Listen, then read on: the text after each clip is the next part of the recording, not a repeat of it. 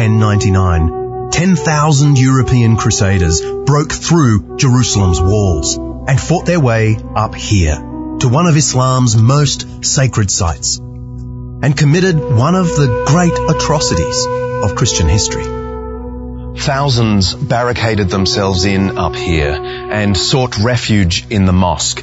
Some even climbed the roof of the mosque to escape. But the Crusaders burst through and slaughtered men, women and children. Some they threw off the high walls to their deaths. The rest they butchered. The carnage apparently filled this great promenade.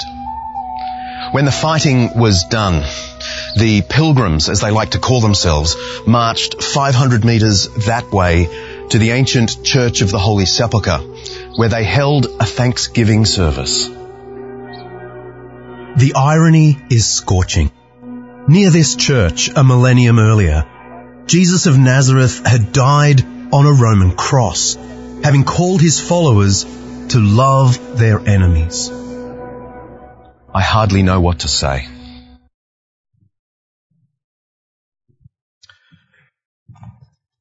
Uh, that was one of the hardest things I've ever had to um, film. Uh, partly because here I am in the place of a terrible Christian massacre of Muslims. I mean, yes, there was violence on both sides, absolutely. But what Christians did was so against every Christian principle. I mean, the killing of women and children, just disgusting. And they did it in Jesus' name. They did it wanting to promote uh, Jesus to the world. But as I delivered the lines, my Muslim guide was up there. The mosque appointed a Muslim guide so that we'd be, you know, looked after. And she stood just to the side of camera. So as I'm delivering these lines to camera, she's just right there. As over and over, until I got my lines right, I had to say the story of how Christians slaughtered her ancestors in this very spot. And afterwards, um, I could tell that she had a tear in her eye, so I went up to her and I said, oh, look, I'm so sorry. That was, re-. but I could tell it wasn't. And I realized actually that um, Christian bad behavior can leave an eight or nine hundred year scar in a place like Jerusalem. And as soon as I say that, I'm conscious that some of you will bear the more private scars. Maybe not as dramatic as that, but real nonetheless because of Christian bad behavior. And the reason I'm starting in this rather depressing way is that not that I want to promote the documentary, which is available on DVD and Vimeo right now, but,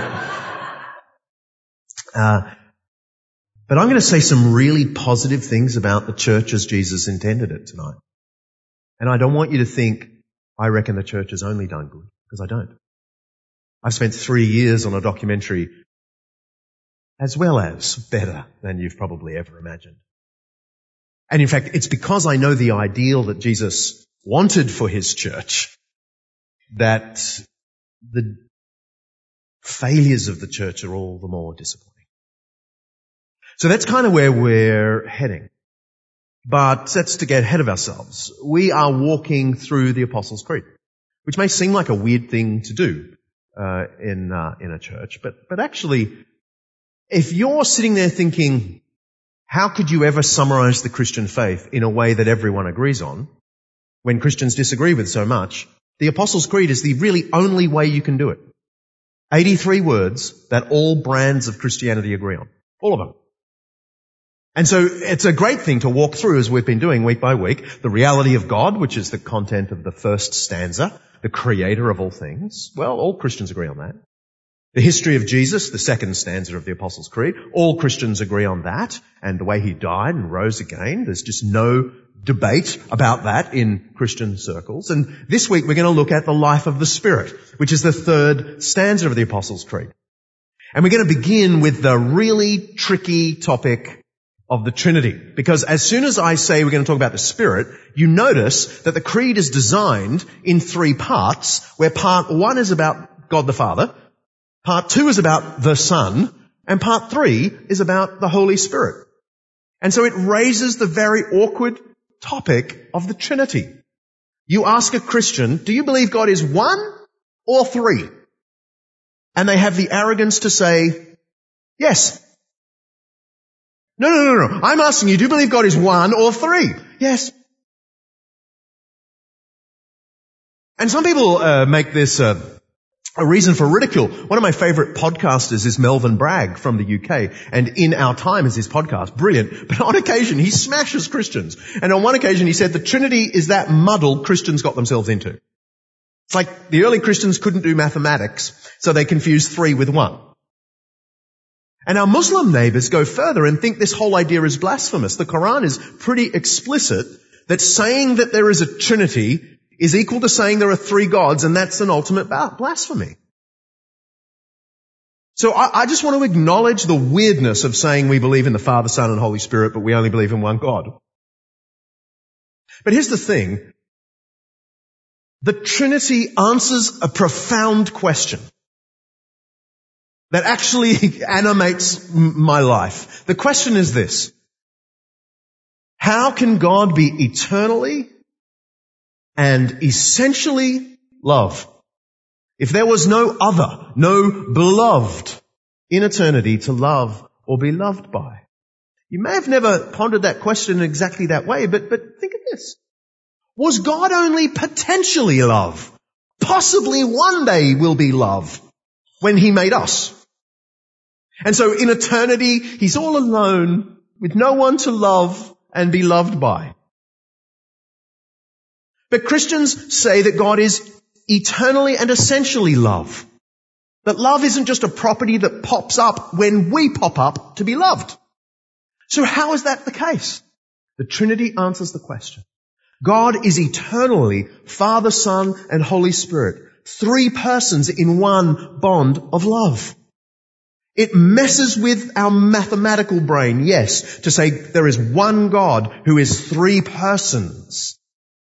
But I would trade mathematical uh, simplicity for love any day of the week because the Trinity tells us that God is in his very essence and eternally a loving communion.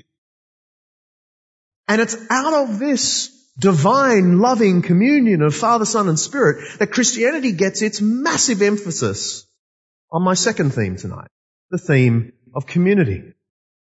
Because the divine life the life of the love of the Father and the Son and the Holy Spirit is to spill over into human community that we call the church. Now the way the creed expresses this is to say that one of the jobs of the Spirit, because this whole stanza is about the Spirit, is to establish the Holy Catholic Church and the communion of saints. And as soon as they say those words, I'm sure some of you going, hang on, you're in the wrong church, buddy. The Catholics are down that way. No, but here's the thing. The Holy Catholic Church doesn't refer to the Roman Catholics. And I'm not just making this up. If our local Roman Catholic priest was here, he'd go, oh yeah, that's true. Because the word Catholic, katoholos in Greek, just means according to the whole. It means universal church. The universal church. And this line, the Catholic church, was deliberately put in to distinguish it from the Roman church. The Roman church was the sort of the, the big boss on the block. But Catholic meant all the churches, the churches over in Ephesus and in Syria and down in Jerusalem and across to Alexandria. That's the Catholic church, of which the Roman Catholic is just one locale. And the communion of saints just refers to ordinary Christians in fellowship with one another. Yeah, I, I, know we often think that saints is the super Christians, you know, like they're the sort of Marvel superhero Christians. But that's not what saints is. As weird as it sounds to us, the word saints in the, in the Bible, in the New Testament, refers to the ordinary Christian.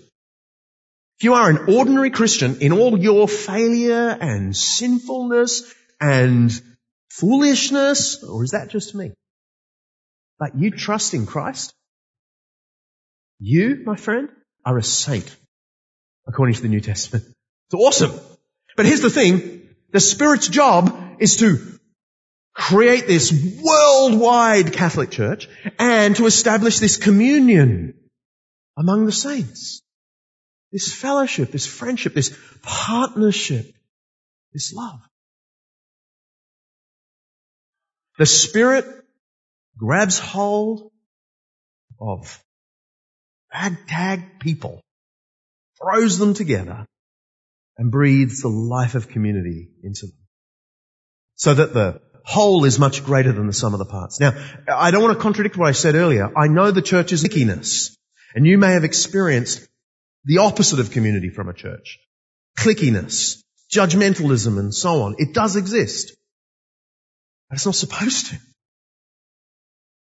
And when this creed was first put together, they knew well that the church was breathing the life of community into a Roman world that was suffocating under the weight of intolerance and violence, inequality and hierarchy and classism.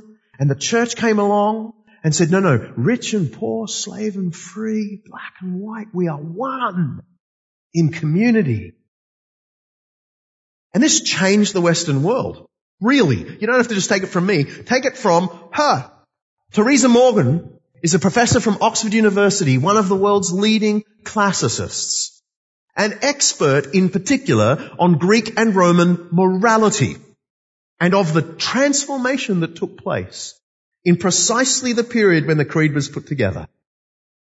How Christianity completely changed the Greek and Roman world and gave us what we now call the Western world. And we asked her in the documentary, how would you sum up the one greatest thing that Christianity gave the world? And she said this. I think that insistence by Christianity that God is always loving and always trustworthy and always just. And because of that, Christians are called always to practice those same goods towards God and always to practice those same goods to one another. That is a very big change in thinking from the ethics of the Greek and Roman world where the gods may be just but may not, where the gods may love human beings but may not, where being merciful, you know, might be the right thing on a certain day but might not, where loving your neighbor, you know, might serve you but might not. The Christian insistence that if those things are good, they are good for everybody and they are always good. I think that was transformational for the Roman world and then for the Christian world and is perhaps the single greatest contribution of Christianity to public life given how revered this woman is uh, around the world, I was stunned when she said that. And uh, in fact, I've gone back and interviewed her for an entire half hour on this one theme. How did Christianity uh, change the world? And uh, it's a night for shameless plugs because tomorrow the episode of my podcast, Undeceptions, drops with Teresa Morgan. So if you're interested, tomorrow about 3 p.m., just go to Undeceptions. You'll get a full interview with this amazing woman. But the thing is, this isn't just history. This is the present. I don't know if you know this face, uh, Andrew Leigh. He's uh, an MP, a Labor MP in Canberra, and he's the Shadow Minister for Charities. He also has a PhD from Harvard in what's called social capital. That is how communities bond in countries. He did his study in America and he came back and he did his study now in Australia and now he's, uh, as I say, Shadow Minister for Charities. He's also an atheist. And the reason I point that out is because in his book, on what shapes community in Australia, he has this amazing chapter on religion and in particular church. And he says, as an atheist, there is nothing in Australia like the Christian church for building social capital. In particular, here's what he says the data makes clear. Among churchgoers, 25% also participated in a community service or civic association over the same period. By contrast, among non-churchgoers, just 12% participated in a community or civic association. Regular churchgoers are 16 percentage points more likely to have been involved in a voluntary activity. And that doesn't include church voluntary activities, but only uh, secular ones. And 22 percentage points more likely to have helped the needy. Those who attend church regularly are more likely to say they can count among their friends a business owner, a manual worker, or a welfare recipient. Few other institutions are as effective in fostering this bridging social capital between rich and poor. Here's the reason I'm saying this. I'm almost embarrassed to read it out, but Christians might not be much on their own. But when the Spirit gets hold of them and breathes the life of community into them, the whole is much greater than the sum of the parts. An extraordinary community develops. I had a guy this morning, uh, he said he was pretty new to this church. And he said he is stunned by exactly this as he's come and bumped into people in this church. The kind of bonding, the connectedness here. And one of the reasons that this community is so solid is given in the next line of the creed. The Holy Spirit breathes into existence the Holy Catholic Church, the communion of saints. But one of the key ideas at the basis of all community is forgiveness of sins. Now you might look at that line and go, how come that wasn't in the second stanza that talks about Jesus dying and rising? Because wouldn't it fit there better? I mean, last week I went on and on, didn't I, about Jesus dying and rising for our forgiveness. So why isn't this line there? I reckon it's here for a really good reason. It is the glue of Christian community. When people know that they are sinners who are forgiven, it is the glue of community. Because you think of every other community you belong to. Maybe with the exception of, of family, at least in its ideal. Most other communities rank you according to your performance, don't they? Think of your sport team. It's ranked. Think of, you know, your workplace. It's ranked. Think of school. It's, it's ranked. Frequent flyer programs. You're all ranked. But in Christianity, there's no rank. Because we are all aware of our sinfulness, our failure before God, and we are all aware of God's love for us and forgiveness nonetheless. Can you see how that is glue? When you can look another human being in the eye and see no difference between us? All sinful, all beloved. It's extraordinary. I first learnt these twin thoughts from uh, this woman that um, Jeff asked me about, uh, Glenda Weldon, my scripture teacher.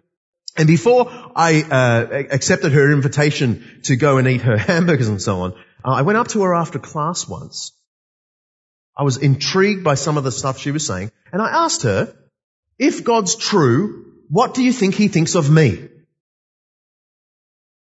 And she said, huh, she's so smart. She said, John, God sees everything you have done, said, and thought. She just waited like this. Well, I just was there going in my head, I didn't say it, I, I was thinking, oh no. Everything I've done is full.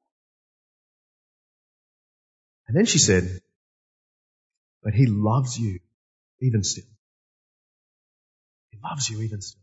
I thanked her for the comment. I took off into the playground and I tried to get rid of those words. But they, they, I couldn't. They just went around and around in my head. God sees everything I've done, said, and thought. He loves me even still.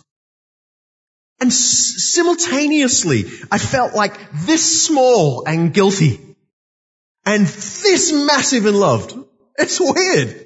And that's what Christianity does, because at the heart of the Christian faith is the message that you are fallen and frail and guilty before God and you are loved. And God sent Christ into the world to die for you and rise again. And when you get that, it not only animates life personally, it is the basis of human community. Because if we're all sinners, no one gets to look down on anyone else. Right? It's illogical. If we're freely forgiven, no one has bragging rights over anyone.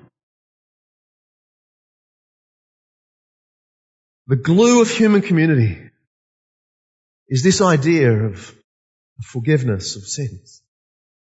We are a community brought together by the Spirit because of forgiveness of sins. Man, man. I quite like Christianity. I quite like Christianity. Trinity, community. Thirdly, finally, eternity. I believe in the Holy Spirit, Holy Catholic Church, communion of saints, forgiveness of sins, the resurrection of the body. That's our body, not Jesus. And the life everlasting.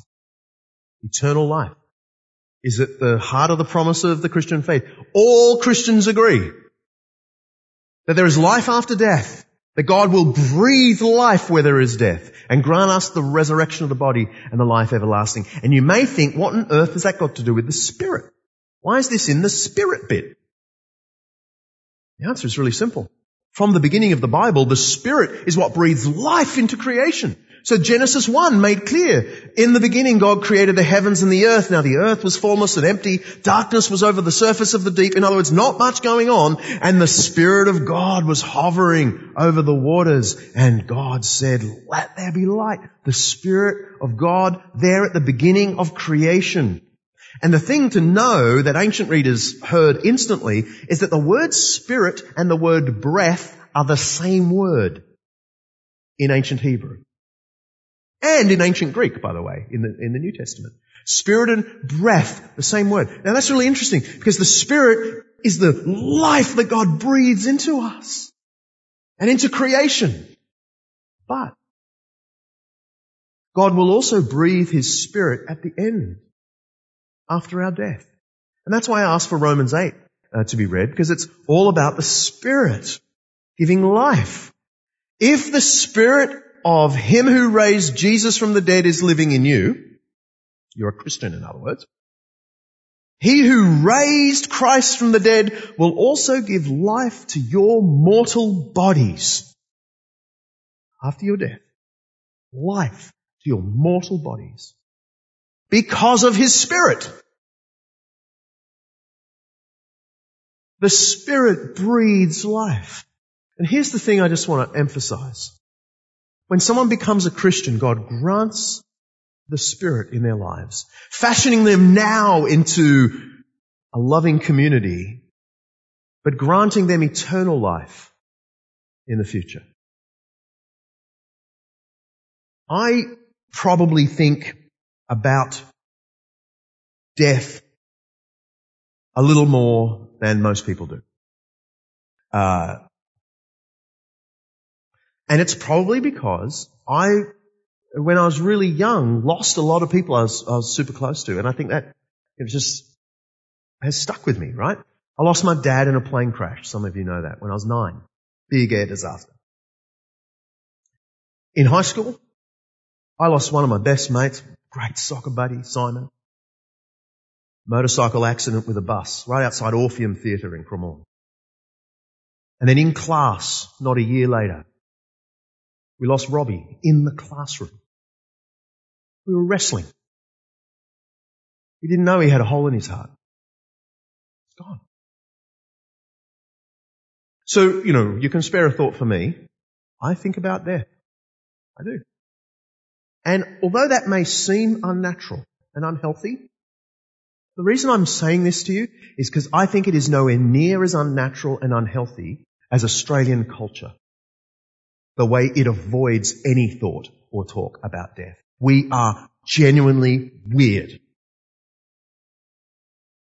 Even though it's like the ultimate statistic still, one out of one people. We avoid it. We're so creeped out about it. I've led so many funerals as a minister over the years. And I'm sure Jeff has found the same thing. It isn't just that people are sad at funerals. Of course they are. We're meant to be. People find it really weird to even talk about death. I've sat down with families who say, we, we, we, we, you know, we want to make this a celebration of life. What is the rest of life for? If you can't think about death at a bloomin' funeral, what is wrong with our culture? It is truly weird and tragic and comical if it weren't so sad.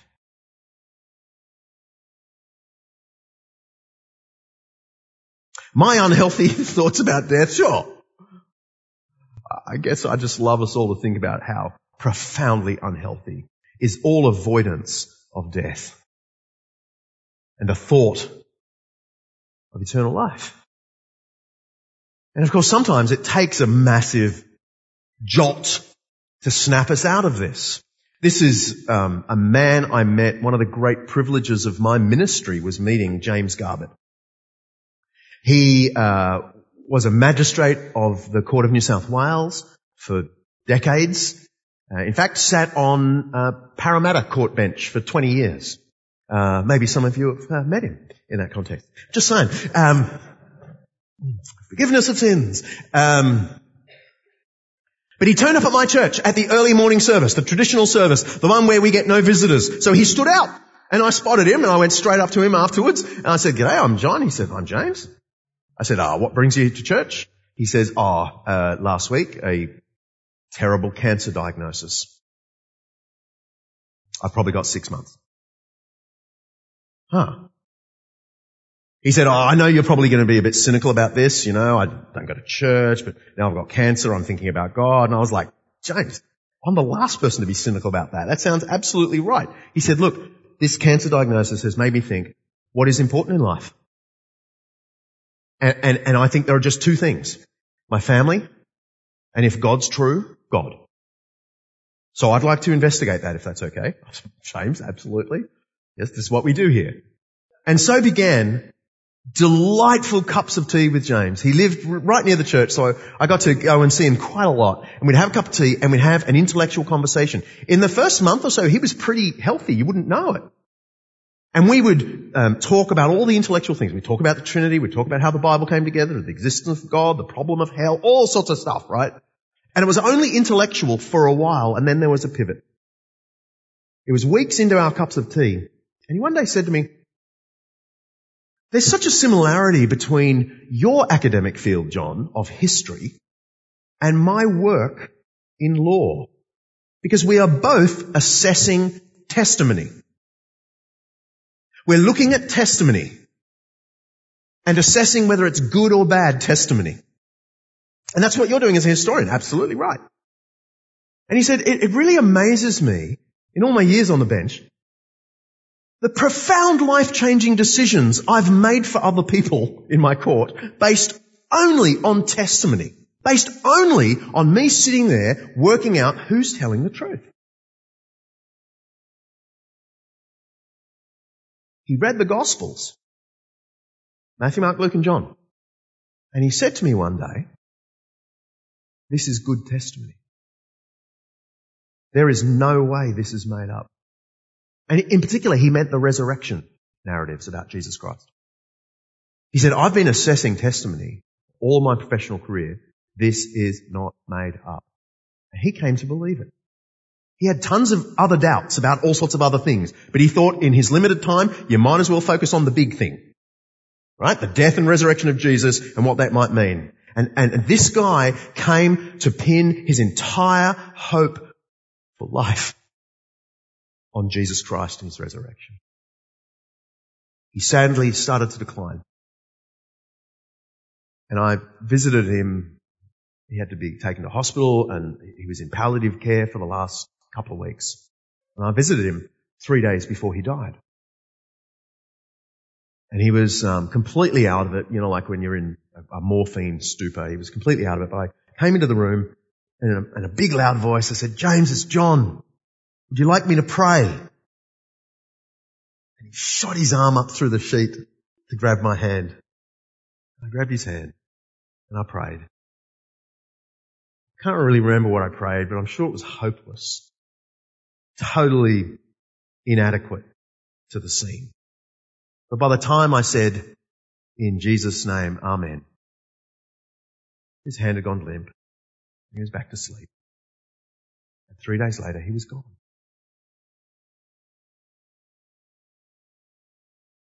I believe more alive than any of us in the room. He believed it. The family asked me to lead the funeral. It was a frightening privilege.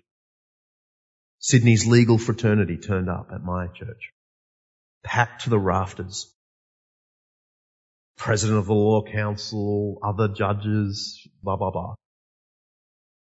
And they gave the most amazing speeches about James. There were five eulogies, which I just want to say is too many.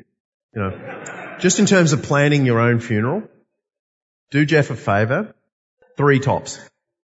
Anyway, so five. But I was so struck by this recurring theme they kept on saying about James Garbutt, a man of impeccable judgment, they said. He could assess something and get to the heart of it. Impeccable judgment. One after another, they kept on saying it. So I'm sitting there thinking, oh, well, they've just given me my sermon. I got up and I, I had a passage about resurrection and eternal life.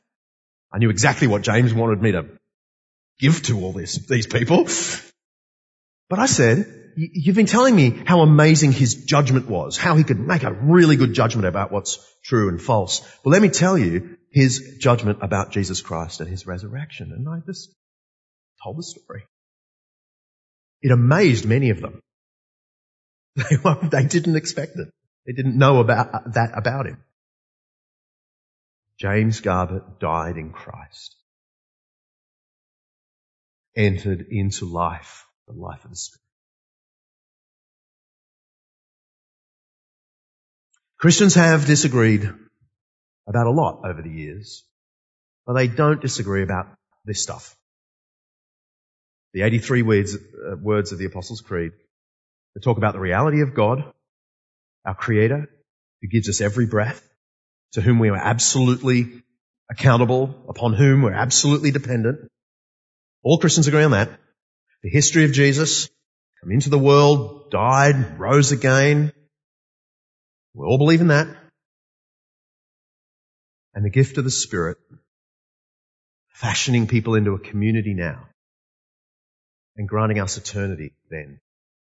We all believe in that. This is Christianity, friends. This is my doubter's guide to the Christian faith. And I submit it to you and I don't know where you're at. I'm not supernatural. But I want to ask you, are you a Christian? Are you depending on this stuff? This free forgiveness of sins, this gift of the Holy Spirit. Because there are two mistakes, at least two mistakes, but these two will do for tonight that people make when confronting this. There are some people who won't take any step in the right direction until they've had every question answered. Every T crossed, every I dotted. Do you know the type?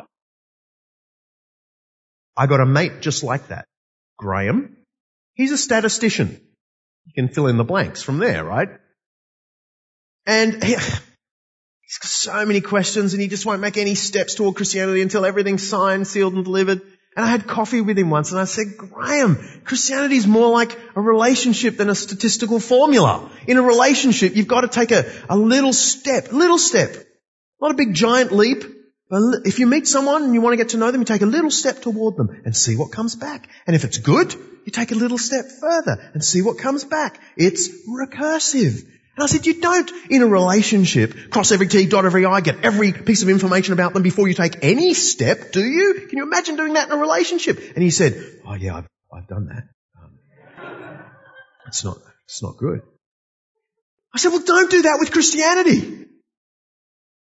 And so I want to say to some of you, don't wait till every question is answered before you take some step in the right direction. Sure, don't take a leap of faith. I'm not into leaps of faith. But I am into little steps in the right direction and see what comes back because you never know. But then there's the kind of different mistake. That's the person who's taken pretty much every step toward the Christian faith except the last one. Oh, no. Right? Maybe you've, you've gone to a gazillion Christian events. Uh, maybe you even regularly go to church or you're in a Bible study. You might have even said a prayer or two, read a Christian book. You've done everything except said, God, forgive me. Grant me your spirit. I want to be a Christian. And I met a woman just like this in Bath in the UK who'd been dragged to an event I was speaking at by a Christian buddy. And the Christian buddy dragged her from her chair toward the front to talk to me after the night was out. And I think she sort of was trying to, you know, sick me on this girl, you know, like, go get up, right? But I just, I just said, look, tell me your story. And she told me a story of, you know, really loving Christians and Christianity and reading books and going to all sorts of events. and how much she believed of it. And I'm sort of going, she's sort of like almost there. But not willing to take the last step. So in a sort of rush of blood to the head, I said to her, it's like you're a plane that's just circling the airport and never landing. And I said, have you got a good reason not to land the plane? Become a Christian. I will never forget her sincerity, her openness. She said, I have practical reasons. None of them good. Hmm. And sadly, this isn't one of those stories where I can say, and I prayed with her and she's a Christian now. For all I know, she's still visiting Christian churches and reading Christian books and taking every step except the last one. And maybe there are people here tonight just like that. You can see the logic of Christianity. You can see how it would animate life now and guarantee life beyond the grave. But you just, I don't know, there's something psychological maybe that you just can't take the last step and depend on this stuff. And so I want to close by praying. A prayer that could be real for a long-term Christian, sure, but I especially hope that there's, I don't know, someone or a few someones who are willing to pray this like an attempt to land the plane. And I'm just going to say, God, I know you're there. You created everything. I haven't obeyed you. Forgive me. Grant me your spirit. I want to be a Christian. Something like that is what I'm going to pray. If that sounds like the sort of thing you want to say, I'm just going to do it really simply. I'm going to say a line, leave silence for you to echo it in your mind to God. Let's pray.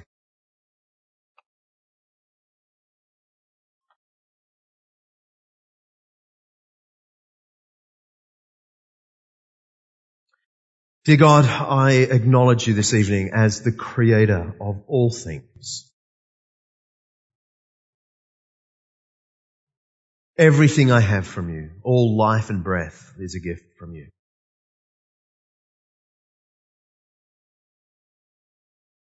But I acknowledge I have not treated you as you deserve.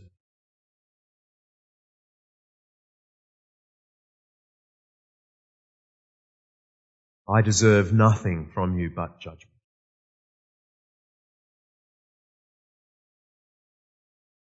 But thank you for sending Jesus Christ. Thank you for his death and resurrection for me.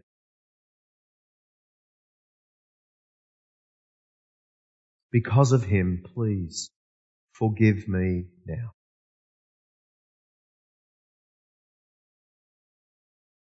and grant me your Holy Spirit.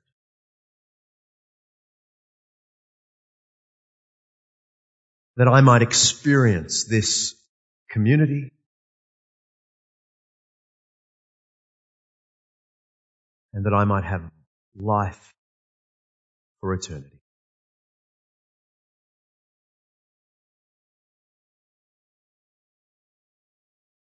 And I ask all of this in the name of Jesus. Amen. It'd be great if you let someone know if you, if you prayed along with that. Took the last step.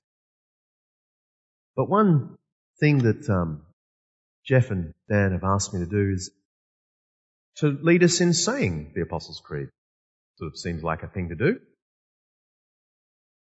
Um, even if you're not used to it, I mean, it's like the footy song. It's like your team song. You know, after a victory, you say the team song. This is, this is the Christian team song. That's what Christians believe. So, would you stand? And let's, if you, if you just want to, if you just want to hear it said, don't say anything. Just, just tune into what's being said. But let's say it together. I believe in God the Father Almighty, maker of heaven and earth, and in Jesus Christ, his only Son, our Lord, who was conceived by the Holy Spirit, born of the Virgin Mary, suffered under Pontius Pilate, was crucified, dead and buried. He descended to the dead. Third day he rose again from the dead. He ascended into heaven and is seated at the right hand of God the Father Almighty. From there he shall come to judge the living and the dead. I believe in the Holy Spirit, the Holy Catholic Church, the communion of saints, the forgiveness of sins, the resurrection of the body, and the life everlasting. Amen. Please take a seat.